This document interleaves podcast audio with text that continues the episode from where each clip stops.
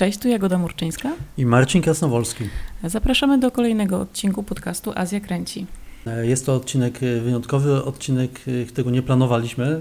Odcinek, który przygotowaliśmy specjalnie w związku z sytuacją, która dotknęła cały świat. Pandemią wirusa siedzimy w domach, zastanawiamy się nad losem ludzkości i mamy więcej czasu na oglądanie filmów Dlatego dziś właśnie y, przyjrzymy się kinu katastroficznemu, kinu, które powstaje właśnie po to, żeby opowiadać y, o sytuacjach kryzysowych dotykających wielkiej grupy ludności, jeżeli nie całą ludzkość po prostu. To filmy, które y, są dla nas trochę odskocznią od rzeczywistości, ale które też pokazują mniej lub bardziej realne zagrożenia, sposoby radzenia sobie z nimi, bardziej lub mniej realistyczne też.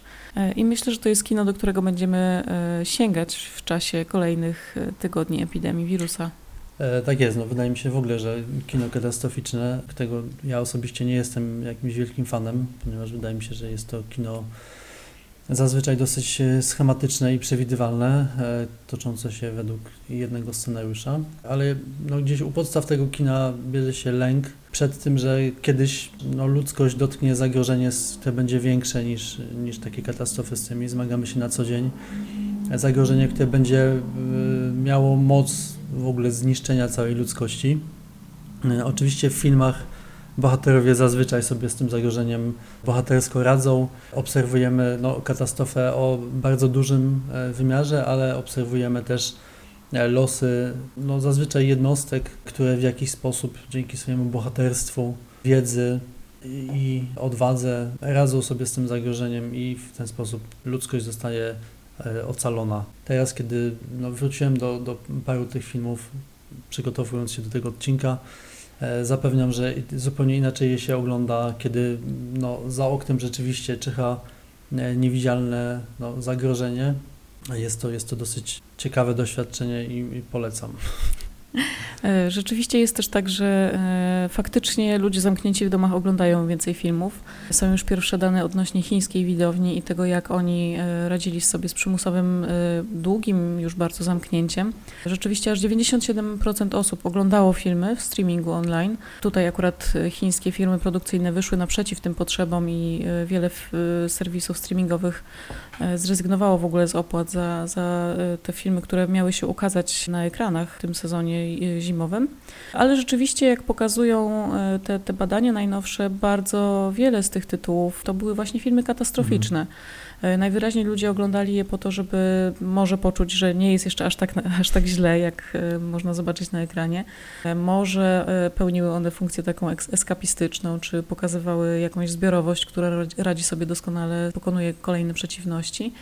Wśród tych filmów znalazły się takie filmy, gdzie rzeczywiście jednostki, bohaterowie ratują E, sytuację. To taki blockbuster e, chiński Kapitan, e, który pokazuje losy pilota walczącego o życie pasażerów. Taka rzeczywiście patriotyczna, chińska, typowa narracja. Historia na faktach, dodajmy. Tak Historia na faktach. Znalazł się też w tym rankingu film hollywoodzki Epidemia strachu Soderberga, która jest też bardzo mocno związana z tematem zarazy, ale też koreański The Flu opowiadający właśnie o e, epidemii grypy, o któremu poświęcimy sporo miejsca, bo rzeczywiście jest to dość, jest to, jest to tytuł e, bardzo dzisiaj na czasie.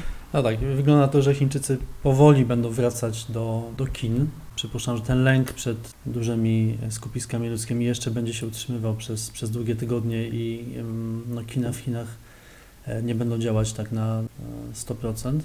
Natomiast... Ale zapotrzebowanie jest duże. Te same badania pokazały właśnie, e, że tą rozrywką, za którą ludzie najbardziej tęsknią, jest, e, jest kino na jednym z mhm. pierwszych miejsc i rzeczywiście spędzanie czasu ze znajomymi e, w sali kinowej to jest coś, co, do czego Chińczycy bardzo chętnie by wrócili. My też chętnie do tego wrócimy, jeżeli będzie to możliwe, ale wygląda na to, że jeszcze czeka nas czekają nas długie tygodnie mm, w domach i to co ciekawe, z, jedna z europejskich instytucji zaapelowała do Netflixa, aby nadawał swoje filmy w niższej rozdzielczości, ponieważ jeżeli wszyscy będziemy siedzieć na Netflixie, to e, nastąpi przeciążenie internetu.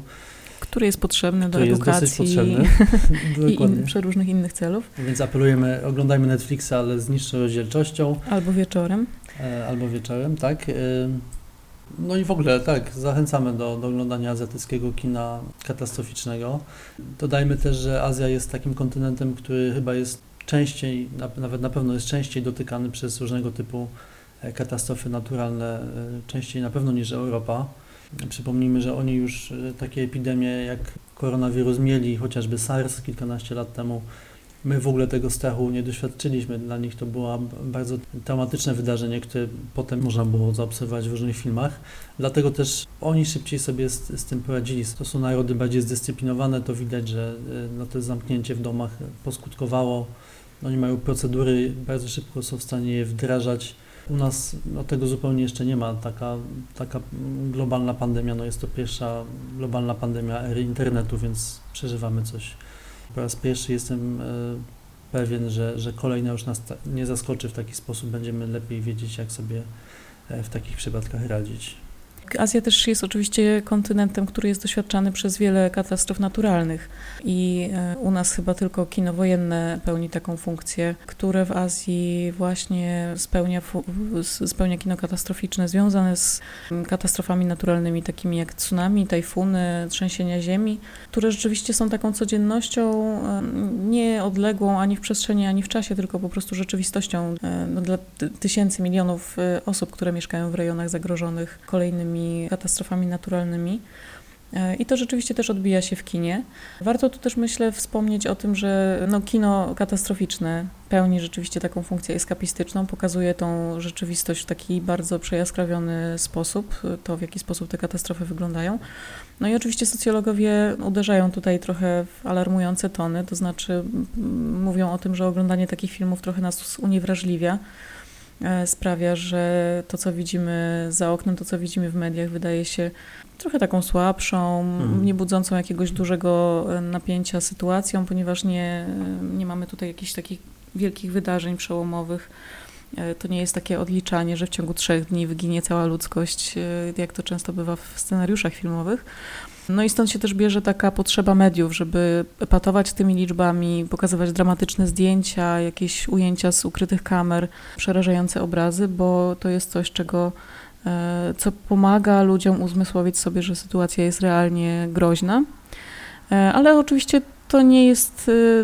E, kino ma, ma też swoje miejsca, w których porusza te tematy w znacznie bardziej świadomy i wrażliwy sposób. Myślę, że znajdziemy dzisiaj czas, żeby opowiedzieć też o kilku takich tytułach, które skupiają się nie tyle na takim spektaklu katastrofy, ale na relacjach międzyludzkich, na, ty, na tym, jak ludzie radzą sobie już po katastrofie, jak e, odbudowują więzi, jak e, wyglądają relacje społeczne w sytuacjach posttraumatycznych już. W, w, w kinie katastroficznym wszystko dzieje się znacznie szybciej, znacznie mocniej, chociaż przypuszczam, że jak już ta pandemia, której doświadczamy, się skończy, powstaną filmy też o dziesiątkach milionów ludzi zamkniętych w domach. Pierwsze takie filmy już rzeczywiście w tak. Chinach powstają, bo chociaż tam e, no, zablokowano produkcję e, filmów, e, wszystkie plany filmowe stoją i to jest rzeczywiście duży problem dla kinematografii, ale to osobny temat. No ale te ekipy filmowe też no, ciężko im było wysiedzieć bez czynności, więc one wyszły na miasto i, i próbowały rejestrować w taki chałupni, no, nie mhm. chałupniczy, bo to profesjonaliści, ale próbowały rejestrować rzeczywistość tego wyludnionego miasta.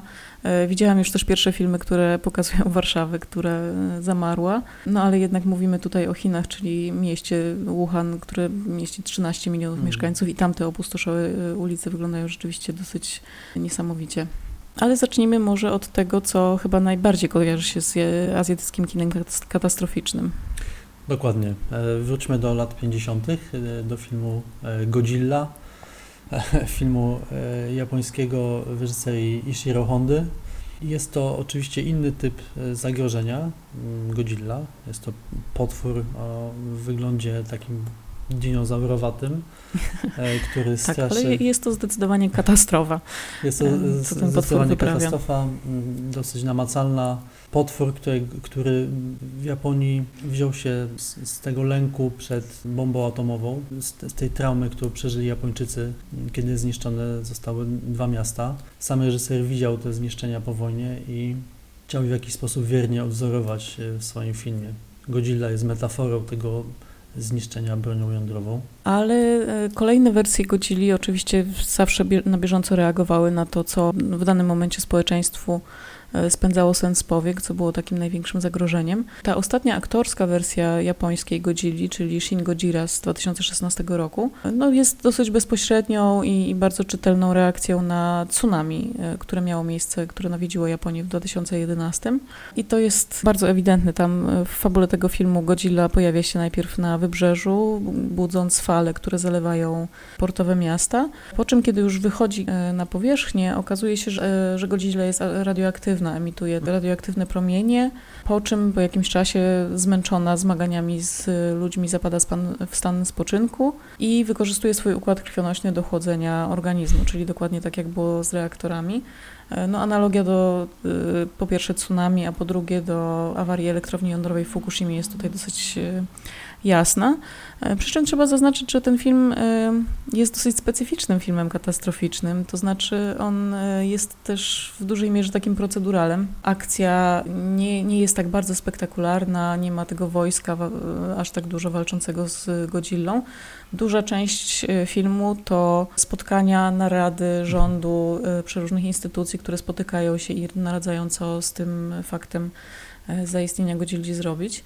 E, no i oczywiście to jest z jednej strony reakcja na, na to, co się działo w Japonii, z drugiej strony też taka satyra na bieżącą sytuację polityczną, na to, jak to nazwał jeden z krytyków, geriatyczną biurokrację japońską, gdzie dużo panów w średnim wieku siedzi i e, ma jakieś swoje teorie. E, jest tam taka prześmieszna scena na samym początku właśnie, gdzie tacy starsi państwo, w które zresztą wcielają się różni inni film, filmowcy japońscy, powiadają jakieś bzdury kompletne, na temat tej katastrofy, nie wiedząc zupełnie z jakiej strony do niej podejść. No i rzeczywiście film sam, jak, jak mówię, jest specyficzny i na pewno też zawiera masę aluzji, które są dla nas nieczytelne, a związane właśnie z bieżącą polityką Japonii, ale jest dosyć fascynującym obrazem właśnie pokazującym to, jak e, przeróżne służby próbują zmierzyć się z problemem, który jest tak mhm. naprawdę problemem z pogranicza fantazy i y, jakichś legend japońskich, więc to jest taka, taka ciekawa, tak, takie ciekawe zderzenie. Mamy też y, animowaną Godzillę, która jest dostępna na Netflixie Netflixie w trzech częściach.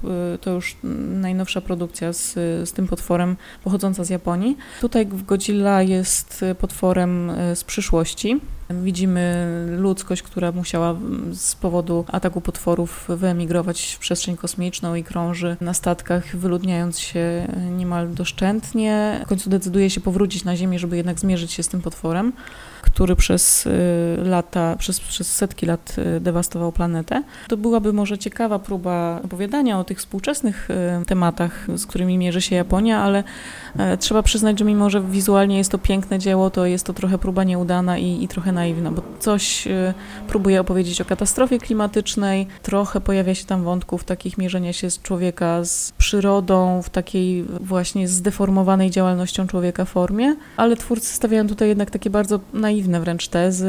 Z jednej strony mamy grupę osób, która ucieka się do duchowości, z drugiej strony takich fanatyków technologii, którzy tam koniec końców, nie, nie, nie jest to wielki spoiler, ale koniec końców stapiają się z tą masz maszynerią, która ma wydawać godzinne i wszystko to jest tutaj takie trochę zero-jedynkowe i nie udało się twórcom wykreować tutaj jakichś głębokich analiz współczesnej rzeczywistości i czegoś, co by rzeczywiście znalazło taki oddźwięk z widzami. Na pewno Godzilla jest no, jednym z największych w ogóle produktów japońskiej popkultury i przez dekady towarzyszyła Japończykom, co tych filmów o Godzilli jest dziesiątki. Ja szukałem odpowiednika Godzilli w, w kinie koreańskim i znalazłem film z roku 67 pod tytułem Yon Gary Monster from the Deep. Jest to film reżysera znajomo brzmiącym nazwisku Kim Ki-duka, to jest oczywiście inny Kim Ki-duk. Jest to film o potworze, który budzi się e, po trzęsieniu ziemi wywołanym próbami broni atomowej i e, atakuje Koreę, zagraża krajowi. Jest to fabuła w jakiś sposób nawiązująca oczywiście do Godzilli, e, ale wydaje mi się, że znacznie ciekawszym i no, filmem, o którym należy wspomnieć też tutaj, jeżeli mówimy o, o potworach i o Korei, jest oczywiście The Host, potwór z reżyserii Bong Joon-ho, film, o którym już wspominaliśmy w pierwszym odcinku naszego podcastu. I też film, który od razu mi się przypomniał, kiedy wspowiadałeś o Shingodzilli, ponieważ no, tam aspekt polityczny jest, jest bardzo mocny. Przypomnijmy, że potwór, który pojawia się w Seulu i zaczyna atakować ludzi, porywać ich i zjadać, rodzi się na wskutek wylania środków chemicznych do rzeki Han jest to rozkaz wydany przez, przez generała amerykańskiego, jest to komentarz do obecności wojsk amerykańskich e, w Korei Południowej. I to, co jest ciekawe, Bong Joon-ho oczywiście nie byłby sobą, gdyby nie wywrócił w ogóle całego schematu tych monster movie do góry nogami. Zazwyczaj w, w tych filmach o katastrofach bohaterami są jednostki, ale ludzie, eksperci, znaczy ludzie, którzy mogą, którzy się znają na rzeczy, można powiedzieć, albo strażacy, wojskowi, lekarze i tak dalej. No w, w tym przypadku bohaterami jest taka zwyczajna rodzina, w dodatku dotknięta bardzo mocno traumami historii koreańskiej. Na czele tej rodziny, chociaż to chyba za dużo powiedziane, stoi bohater grany przez Song Kang-ho, bardzo ciapowaty i nieudolny człowiek, ale to właśnie on musi uratować swoje najmłodszą dziewczynkę w rodzinie, która została porwana przez potwora i zawleczona do, do jego kryjówki. E, no i to jest ciekawe, że, że ta właśnie dosyć nieudolna rodzina działa całkiem efektywnie, natomiast politycy i służby działają zupełnie beznadziejnie i właściwie bardziej szkodzą, podejmują decyzje, które kompletnie nie mają żadnego sensu. Ta biurokracja koreańska też jest pokazana jako zupełnie nieudolna. To jest, to jest ciekawy i bardzo mocny komentarz reżysera. Tak, to w ogóle jest chyba ciekawy wątek, bo myślę, że można wyróżnić takie kinematografie azjatyckie, w których ta odpowiedzialność za losy ludzi mhm. dotkniętych katastrofą spoczywa właśnie na jakichś wybitnych jednostkach i to jest też pewnie taka klasyka e, hollywoodzka, że tutaj mamy jakichś herosów, którzy czasem wbrew procedurom ratują świat i tak jest często właśnie w tych filmach koreańskich czy nawet japońskich, a z drugiej strony no, mamy to głównonurtowe e, kino chińskie czy mhm. chińskojęzyczne w zasadzie, bo bo, też tutaj część filmów hongkońskich na pewno by się znalazła, gdzie jednak to zaufanie do służb rządowych, do służb mundurowych jest znacznie większe, co oczywiście wynika z cenzury i takich wymogów mm. oficjalnych, że jednak porządek wprowadzają te instytucje, które do tego służą i to one właśnie są taką, taką ostatnią instancją, która ratuje sytuację. Jest na przykład całkiem sporo filmów hongkońskich i chińskich opowiadających o straży pożarnej, przy czym to na pierwszy rzut ucha e, nie brzmi jakoś szczególnie pasjonująco, bo jeżeli mamy mamy oglądać Smagania Straży Ogniowej, to nie jest to coś, co kojarzy się z jakąś bardzo spektakularną akcją, ale rzeczywiście są to filmy niesamowicie zrobione, trzymające w napięciu i pokazujące bardzo ogromne i znaczące y, akcje gaśnicze. Mam tu na myśli na przykład takie filmy jak e, As the Lights Goes Out, to hongkońska produkcja, gdzie bohaterowie ratują w zasadzie całe miasto, bo pożar znajduje się blisko elektrowni, która zasila Hongkong i rzeczywiście te sceny, gdzie całe miasto nagle gaśnie, a jak przypomnimy mm. sobie obrazy Hongkongu, te rozświetlone wieżowce, no to jest coś, co rzeczywiście zapiera dech w piersiach. Ale Johnny To też miał e, film e, na linii ognia, który pokazywał może od bardziej takiej indywidualnej, emocjonalnej strony e, sytuację strażaków czy straży ogniowej, w zasadzie takich jednostek specjalnych zmagających się z katastrofami. A całkiem niedawno pojawił się chiński patriotyczny przebój The Bravest. W Polsce można go nawet zobaczyć na Kanal Plus, także w wersji VOD e, jako odważna decyzja. No i tam jest tak, że płonie zbiornik z ropą i rzeczywiście ci strażacy stoją przed zadaniem, które może ocalić setki żyć. Nawet z trailera e, widać, że jest to coś, no, jak, to, jak to taka typowa chińska patriotyczna produkcja, rzeczywiście mamy tam tych heroicznych strażaków walczących o życie ludzi, oni posługują się takimi czasami patetycznymi i drętwymi sformułowaniami, ale przyznam, że mnie trochę urzeka ta konwencja, bo kładzie nacisk jednak na cichych bohaterów trochę dnia, dnia codziennego. To nie są jakieś e, jacyś niesamowicie e, wyszkoleni tajemniczy ninja czy agenci specjalni CIA, tylko rzeczywiście to są ludzie, którzy w bardzo prozaicznych i ciężkich warunkach walczą o, o dobytek i o, o bezpieczeństwo innych osób. No i nawet jeżeli ta konwencja jest taka trochę propagandowa i no właśnie wypełniona takim patosem, to jest tam coś, coś ciekawego. Mhm. No i oczywiście w chińskiej wersji e, jest też tak, że zazwyczaj są to e, bohaterowie zbiorowi, to są mhm. grupy, to są zespoły, które razem podejmują decyzje i razem zmierzają do jakiegoś zamierzonego celu, ale to też nie jest tak, że często kulturoznawcy rozdzielają kulturę wschodu i zachodu jako tą kulturę indywidualistyczną i e, kolektywistyczną.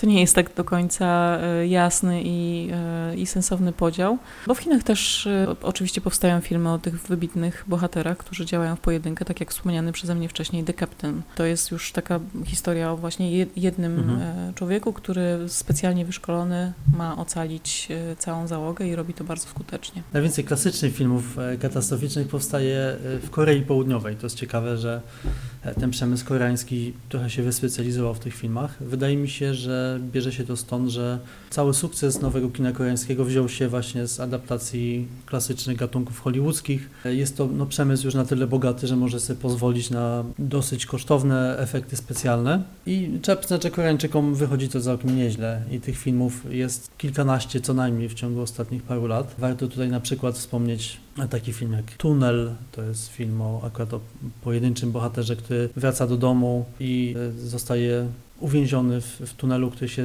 zapada na skutek fuszerki budowlanej i też próbuje przeżyć, a jednocześnie ratują go służby, które, od, które, które także e, wydawałoby się powinny się skupić na ratowaniu życia ludzkiego, ale tam dochodzi do e, głosu też wielka polityka, więc to wszystko, co się wokół niego dzieje jest znacznie bardziej skomplikowane i jest to, wydaje mi się, Tunel jest to najlepszy film katastroficzny, jaki powstał w Korei. Faktycznie te wszystkie elementy tam zadziałały dobrze. Kolejnym ciekawym filmem na pewno jest Pandora, czyli no takie duże widowisko, które może nam się kojarzyć trochę z Czernobylem, ponieważ tam zagrożenie, zagrożona jest elektrownia jądrowa, która zostaje uszkodzona na skutek trzęsienia ziemi. To jest właśnie przykład tego rodzaju fabuły, gdzie zaufanie do służb rządowych zostaje wystawione na bardzo mocną mhm. próbę. To, to, to, w tych filmach koreańskich się powtarza i wydaje mi się, że wiąże się to też z wydarzeniem, które miało faktycznie miejsce parę lat temu, czyli z, no, z tragicznym zatonięciem promu Seoul e, i pamiętamy, że ofiar było wówczas tak dużo, ponieważ to służby zareagowały w zły sposób i nie rzuciły się do ratowania ofiar. Przede wszystkim byli to młodzi, młodzi ludzie i co jeszcze pogłębia tą tragedię. W Pandorze rzeczywiście tak jest, że, że służby zawodzą i no, świat uratować może tak naprawdę grupa jednostek, którzy decydują się na dosyć taką straceńczą y, misję i od nich zależy to, czy, czy Korea w ogóle przetrwa. I tutaj też jest, y, pojawia się ten ciekawy społeczny wątek, to znaczy tymi osobami, które ratują y, sytuację też są właśnie tak zwani blue collar workers, czyli mm. właśnie robotnicy, strażacy, pracownicy tacy szeregowi, którzy teoretycznie nie powinni brać na siebie aż takiej odpowiedzialności, a jednak to właśnie oni tak naprawdę wykazują się solidarnością społeczną, w przeciwieństwie do rządzących, którzy dbają głównie o własne wizyty wizerunek i własne dobro. Z takich filmów to jeszcze mógłbym śmiało polecić. W zeszłym roku pojawił się na przykład e, duży hit film Exit. Jest to film, może nietypowy film katastroficzny, ponieważ ta katastrofa no, jest ona nietypowa. Zagrożeniem jest e, toksyczny gaz, który rozsnuwa się po całym Seulu i zabija wszystkich ludzi, którzy znajdują się poniżej pewnej wysokości, więc żeby przeżyć trzeba wejść wyżej na, na, na szczyty wieżowców. Główny bohater jest akurat alpinistą, więc e, ma to przewagę, że, że może, może uratować nie tylko siebie, swoją rodzinę, swoją rodzinę i swoją ukochaną, ale także no, całą sytuację. E, także w zeszłym roku odbyła się premiera chyba najdroższego filmu katastroficznego w Korei, czyli Ashfall. Jest to film o, odmiany o wybuchu wulkanu. Stawką jest istnienie obu Korei, północnej i południowej, ale no, ten film, który nas interesuje najbardziej, ponieważ tematycznie jest najbliższy temu, co dzieje się obecnie za naszymi oknami, to film The Flu. Jego tytuł przetłumaczylibyśmy oczywiście jako grypa.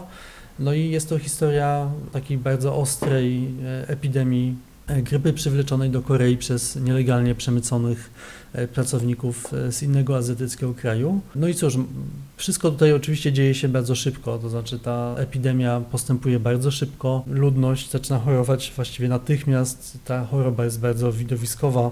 Mamy też tutaj polityków, którzy część z nich e, woli poświęcić już tych zakażonych, tak aby wirus nie wydostał się na zewnątrz, a no, część cały czas stara się w jakiś sposób wyleczyć tych ludzi i wtedy nie dopuści do rozprzestrzenia się choroby. Jest to zdecydowanie film, który jest sugestywną e, wizją tego, w jaki sposób wirus może się rozprzestrzenić. Jest tutaj taka sekwencja tego, w jaki sposób za pomocą no, tak naprawdę drogi kropelkowej ten wirus przenosi się z osoby na osobę po prostu w takiej miejskiej przestrzeni Wydaje mi się, że, że moglibyśmy pokazywać śmiało te sekwencje ludziom po prostu, żeby ćwiczyli sobie social distancing i trzymali się od siebie w większej odległości. To jest plus, także tutaj film The Flu zdecydowanie polecam. No, jest to kino, które bardzo mocno trzyma w napięciu i takie emocjonalne stawki są tam bardzo wysokie. Także Japonia miała taki swój wkład w kino medyczno-katastroficzne. Parę lat temu pojawił się film Pandemic, Takahisi Zeze. Niestety to nie był film jakoś bardzo udany, ale też był odpowiedzią na takie lęki związane z ptasią grypą czy epidemią SARS. E, I jest to taka historia skupiona nie tyle na takich spektakularnych, zbiorowych scenach, co na dwójce lekarzy, którzy próbują walczyć z zarazą, ale też też e, walczyć z biurokracją, która utrudnia im e, działania. Co ciekawe, sam film e, tak jak, no jest, jest takim porządnym filmem, ale no zebrał raczej kiepskie recenzje i rzeczywiście pierwsza połowa jest jeszcze ciekawa, druga połowa mocno siada, natomiast Ciekawostka jest taka, że film ten był też sprzedany do Korei, był też w koreańskiej dystrybucji i ucięto tam koniec. W wersji japońskiej zakończenie ma taką sugestię jakiś, jakiegoś pozytywnego rozwiązania, sugeruje nadzieję. E, natomiast w Korei pozbyto się tego elementu, kończy się tylko na tak, taką statystyką e, z liczbą ofiar. No, kiedy producenci japońscy dowiedzieli się o tym, oczywiście zrobili z tego wielki skandal i, i przywrócili odpowiednią wersję, ale to jest bardzo ciekawe, jak te dwa kraje podchodzą do e, tematu. Koreańczykom nie przeszkadza to, że film może skończyć się źle mhm. i, i na niego pójdą, a w Japonii jednak takie wygładzenie tematu wydaje się bardzo ważnym elementem tego kina katastroficznego. Japonia specjalizuje się w kinie związanym związanym z, z tym, czego Japonia boi się najbardziej, to znaczy trzęsienia ziemi. Mhm.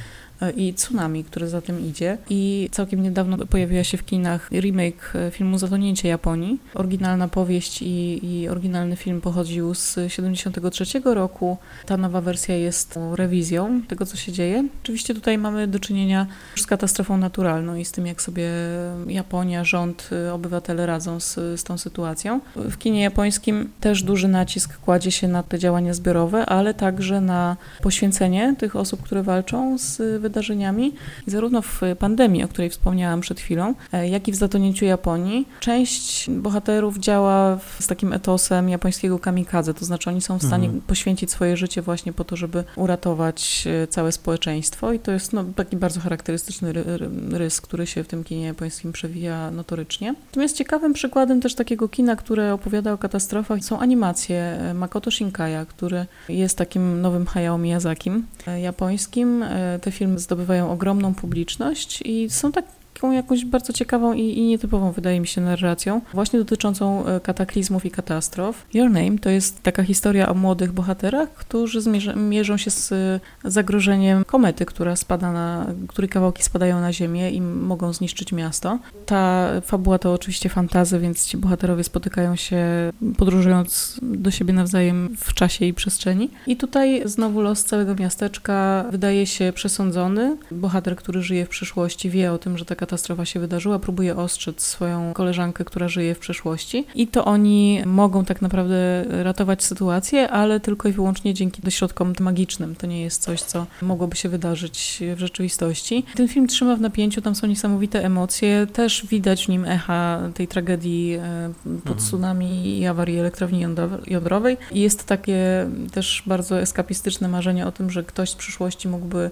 wrócić i uratować tych wszystkich ludzi, uratować całą tą sytuację.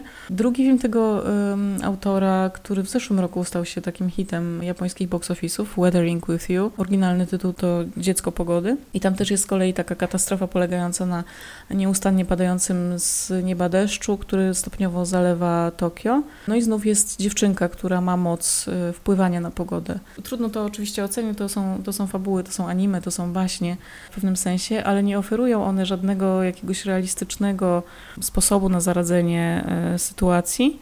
I jakoś tak oglądając je, po, mając świadomość sytuacji w Japonii politycznej i społecznej w tej chwili, pozostaje takie wrażenie, że, że Japończycy trochę nie widzą nadziei, e, nie, nie pokładają zaufania w działaniach osób, które mają rzeczywiście wpływ na ich rzeczywistość, tylko jest to taka ucieczka w fantazję mm. i ucieczka w magię, w co by było, gdyby ktoś mógł sterować tym. I te, te filmy są gdzieś takim nawiązaniem, podobnie zresztą jak ta nowa animowana Godzilla, Gdzieś tam pojawiają się echa filmów Hayao Miyazakiego, który, jak mówiliśmy w poprzednim odcinku podcastu, bardzo często poruszał w swoich animacjach temat zagrożenia, jakie człowiek e, niesie dla przyrody, ale nie stawiał tutaj żadnych łatwych diagnoz. Natomiast tutaj w tych nowych filmach często te, no, wydaje się, że, że ten temat nie jest aż tak pogłębiony i rozwiązania, jakie tutaj autorzy proponują, są bardzo, bardzo bajkowe, ciężko przekładalne nawet jako metafory na Mhm. rzeczywistość.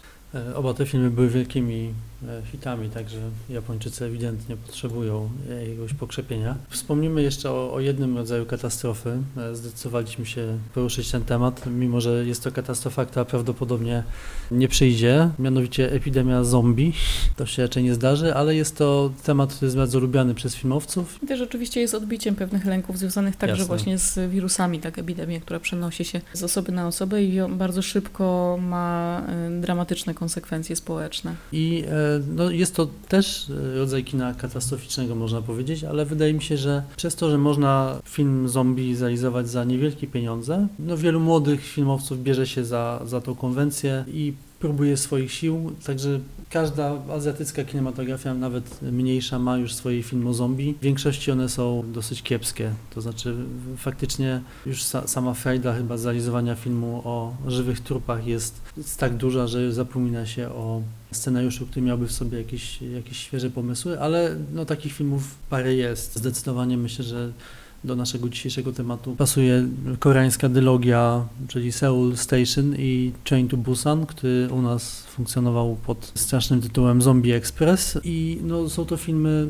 ten pierwszy to jest animacja, drugi to jest e, kontynuacja już e, fabularna. I są to filmy nie tylko wnoszące dużo do samej konwencji filmu o zombie, ale także właśnie, tak jak wspomniałaś, mające bardzo ciekawe to tło społeczne, to znaczy to w jaki sposób zaraza zombie się zaczyna rozprzestrzeniać, widzimy w animowanym Soul Station. Ona najpierw dotyka bezdomnych, którzy mieszkają na stacji w Seulu, stacji kolejowej. E, No i na tych bezdomnych nikt w zasadzie nie zwraca uwagi i kiedy już zaczynają chorować, nikt nie chce mieć z nimi nic do czynienia i w ten sposób wirus zombie może się rozprzestrzeniać, aż w końcu dotyka znaczną część mieszkańców Seulu. A w to Busan widzimy, no, co się dzieje dalej. Już zaraza dotyka całego kraju i bohaterowie starają się uciec z Seulu do portowego miasta Busan na południu Korei i no, stłoczeni w, w jednym pociągu. Także to, co tam się dzieje w tym pociągu jest w jakiś sposób odwzorowaniem napięć i walki klas tak naprawdę. To, to jest ciekawe, w jaki sposób społeczeństwo w obliczu katastrofy, nie, nie, wszyscy chcą sobie pomagać, każdy myśli o własnym interesie i tutaj e, reżyser no, w bardzo brutalny sposób pokazał to, jak to społeczeństwo koreańskie jest podzielone i jak tragiczne może to mieć skutki. Co ciekawe, na czerwiec 2020 roku planowana była premiera sequela Train to Busan, opowiadający o odciętej od świata Korei, której gra- granice są zablokowane. No nie wiadomo, czy ta premiera dojdzie do skutku i czy nastroje społeczne będą właśnie takie, żeby, żeby takie filmy oglądać, chociaż może właśnie paradoksalnie Mm. tym bardziej. Ludzie będą mieli potrzebę jakoś oczyszczenia się z, z sytuacji. Korea nie, nie poddaje się kwarantannie, ma technologie i środki, żeby walczyć z wirusem innymi metodami, e, ale na pewno no, społeczne echa epidemii też będą miały tutaj znaczenie i no, mam nadzieję, że wszyscy będziemy mogli Peninsulę, bo taki jest tytuł tego filmu, e, obejrzeć latem w kinach. No tak, na razie kina koreańskie cały czas są otwarte, ale naprawdę są puste. Ja śledzę codziennie statystyki i aż przykro na to patrzeć. E, Także tak, trzymam kciuki za to, żeby Peninsula rzeczywiście miała premierę w wyznaczonym czasie, ale czy tak będzie? e, Ciężko przewidzieć. Ciężko przewidzieć. Na pewno jeżeli chodzi o zombie i o Koreę, na Netflixie pojawił się drugi sezon sezonu Kingdom. E, No jest to epidemia zombie przeniesiona do przeszłości. Jest to ciekawe połączenie kina kostiumowego i e, no, filmu o zombie. Z pewnością jest to tytuł, który zwłaszcza teraz można polecić. Jest to kawał naprawdę dobrego kina, świetnie zrealizowanego. No i to połączenie, połączenie filmu kostiumowego z takim współczesnym gatunkiem daje, daje ciekawe efekty. Jeśli chodzi o, wra- wracam znowu ja do Japonii e, i o, do tematu zombie, też e, całkiem niedawno pojawiła się tam cieka- ciekawa wariacja na temat tego gatunku I am a hero, która opowiada też o epidemii przypominającej epidemię zombie, wirus, y, który powoduje, że ludzie zaczynają rzucać się na siebie nawzajem i zabijać. O, o tym, że film jest ciekawym odstępstwem e, od gatunku, świadczy fakt, że jego bohaterem jest e, antybohater, mhm. taki właśnie nieudacznik, e, geek siedzący w domu, rysownik mangi, który tak naprawdę ledwo umie biegać, a co dopiero rozprawiać się z jakimiś krwiożerczymi postaciami.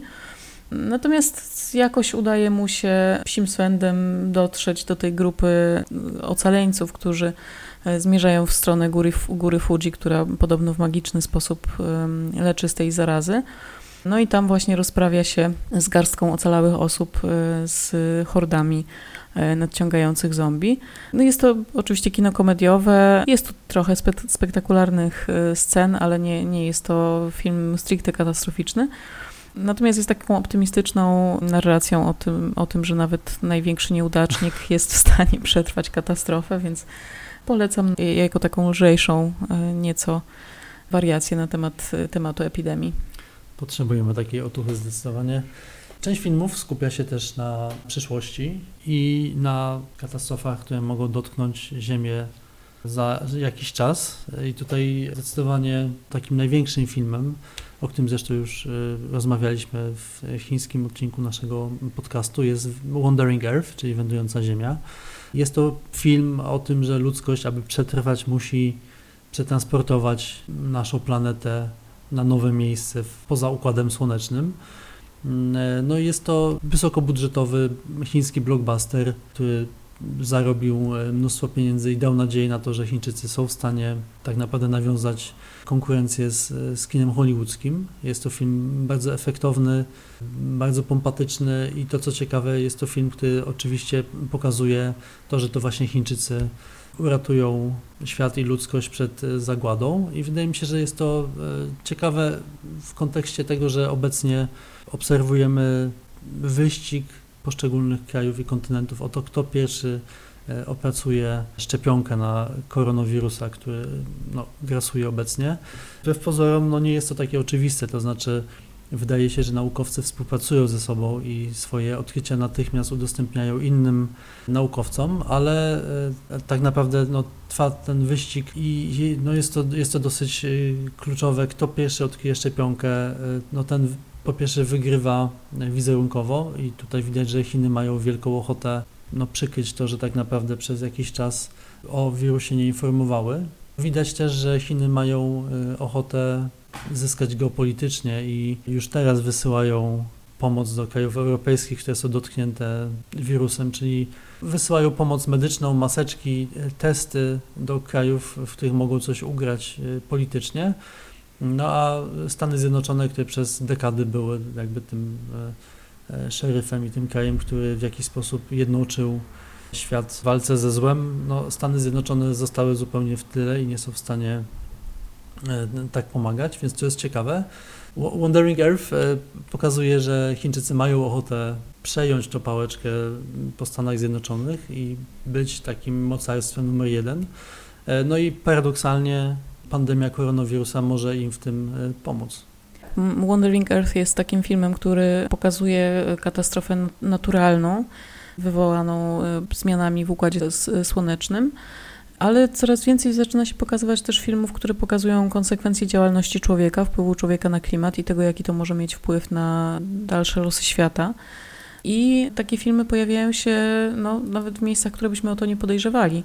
Parę lat temu pokazywaliśmy e, na festiwalu Pięć Smaków film 2030. To wietnamskie science fiction, e, ale właśnie science fiction zdecydowanie arthouse'owe, które pokazuje Wietnam właśnie w tytułowym 2030 roku, częściowo zatopiony przez wodę, bo rzeczywiście mm tej chwili grozi temu półwyspowi ze względu na zwiększający się poziom e, wód w morzach i oceanach, że bardzo duża część jego terenu zostanie rzeczywiście zalana, znajdzie się pod wodą.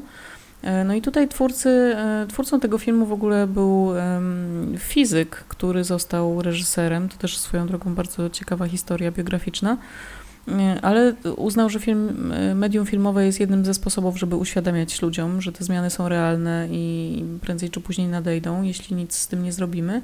Film ma bardzo takie medytacyjne tempo, pokazuje bohaterów, którzy zmagają się z tym, że wszystkie, cały majątek, jaki mieli, ziemia, którą posiadali, jest w tej chwili nic nie warta. Równocześnie próbują prowadzić jakieś życie, mają relacje uczuciowe i to jest film z jednej strony bardzo przygnębiający, ale z drugiej strony wskazujący jakiś kierunek i, i, i pokazujący, że to życie na Ziemi będzie się dalej toczyć, nawet w takich skrajnie trudnych warunkach. No i myślę, że to jest taki film, który też y, jest pomostem do tego, o czym chcielibyśmy porozmawiać na koniec y, tego odcinka, to znaczy o tym, jak y, wygląda życie po katastrofie. Mm.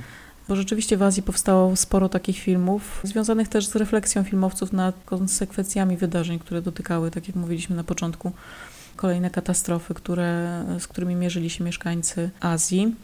E, znajduje się wśród nich na przykład film e, Brillante Mendozy e, Taklub, czyli angielska wersja tytułu to Pułapka.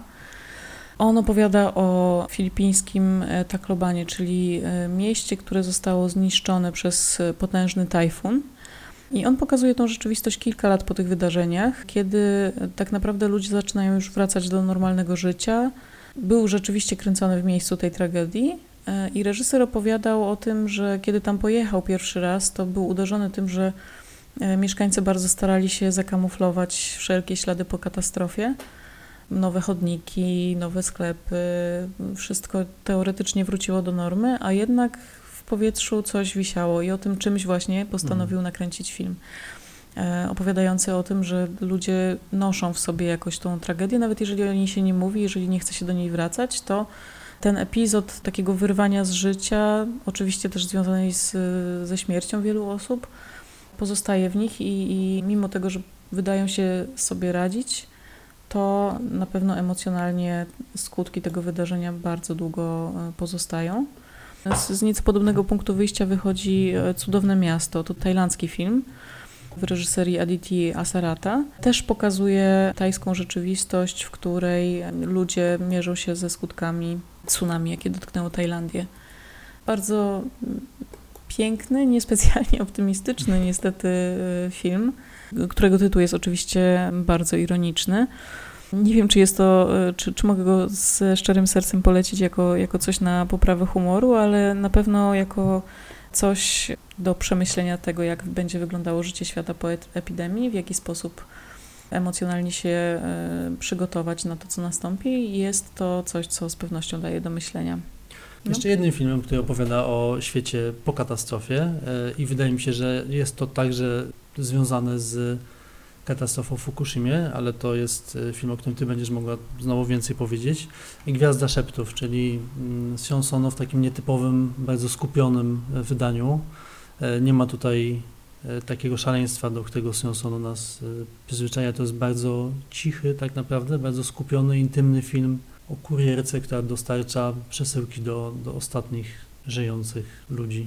To jest film, który dla mnie jest bardzo kojącą narracją, bo mimo to, że pokazuje rzeczywiście świat po katastrofie e, takiej intergalaktycznej wręcz, bo mówimy tutaj o bardzo opustoszałych planetach i bardzo adekwatny na tą dzisiejszą rzeczywistość, bo pokazuje mm, ludzi gdzieś zamkniętych w małych miejscach, do których tak naprawdę dochodzą tylko paczki, e, co myślę, że zaczyna powoli być już także naszą rzeczywistością. To ma w sobie taką z jednej strony nostalgię, z drugiej strony takie ciepło, które mimo, mimo tego chłodu i tego braku e, kontaktów międzyludzkich gdzieś tam e, przenika właśnie za, za, za pośrednictwem głównej bohaterki, która jest tak naprawdę e, robotem stworzonym właśnie po to, żeby móc pokonywać te międzygalaktyczne przestrzenie. I to nagle ona zaczyna być tym nośnikiem emocji i, i jakichś takich pozytywnych uczuć, które kiedyś były przynależne tylko ludziom. Sam film jest, jest urzekający, jest, jest, jest przepięknie opowiadany, a jego przesłanie też między innymi jest takie, że być może no, nawet jeśli ludzie wyginą, to ktoś przetrwa miły na tym świecie. Nie wiem, czy to dla Państwa będzie e, optymistyczne przesłanie, ale, e, ale wydaje mi się, że mimo wszystko takie jest. E, na razie zakładamy, że wszyscy przeżyjemy i że. Nie będziemy musieli polegać na uczuciach cyborgów. Dokładnie, jak Gwiazda Szeptów jest wizją bardzo dalekiej przyszłości której nie doświadczymy jednak. E, no i cóż, na koniec e, chcielibyśmy polecić e, film, który może w jakiś bardziej humorystyczny, chociaż jest to humor też dosyć specyficzny, opowiada o tym, w jaki sposób można przebywać na, na kwarantannie. E, tak, film jednego z e, ulubionych chyba naszych azjatyckich twórców, Tsai Ming-yanga, Dziura. Film, który opowiada o epidemii, która dotknęła Tajwan i no, jest to bardzo dystopijna wizja. Rzeczywiście miasto mm, już takie bardzo zrujnowane całym przebiegiem epidemii. E, ludzie gdzieś schorowani, też właśnie żyjący w izolacji. Natomiast jest to nie tylko film katastroficzny i nie tylko medytacja na temat człowieka znajdującego się w stanie takich skrajnych doświadczeń, ale też musical. I to połączenie jest czymś naprawdę niezwykłym. Nie będziemy tutaj mówić za dużo o fabule, bo też ciężko ją podsumować. To jest bardzo minimalistyczny film i tak naprawdę to, co tam się wydarza, nie jest tak ważne, jak, jak to, w jaki sposób się to wydarza. Ale zdecydowanie polecamy jako taką bardzo nietypową i, i bardzo zmieniającą e, postrzeganie rzeczywistości odskocznie od tego, co dzieje się w tej chwili na świecie. Kto zna Simon Younga, ten wie, że, że jest to reżyser, który lubi zaskakiwać i też reżyser, który chodzi własnymi ścieżkami, więc to jest jego wizja e, świata e, objętego epidemią i bohaterów, którzy muszą przebywać w izolacji i też muszą sobie radzić ze swoimi uczuciami jednocześnie. I cóż, chyba y, tyle. Miejmy nadzieję, że następny odcinek będziemy nagrywać już w nieco weselszym, e, w nieco weselszych nastrojach, że informacje, które będą do nas spływać, dadzą nam nadzieję na e, lepsze jutro, na to, że będziemy mogli się znowu e, spotykać w większych grupach. A przede wszystkim, że będziemy się mogli spotykać w kinie. No to bardzo czekamy. Dokładnie do tak. usłyszenia. Tak. Do usłyszenia, dziękujemy.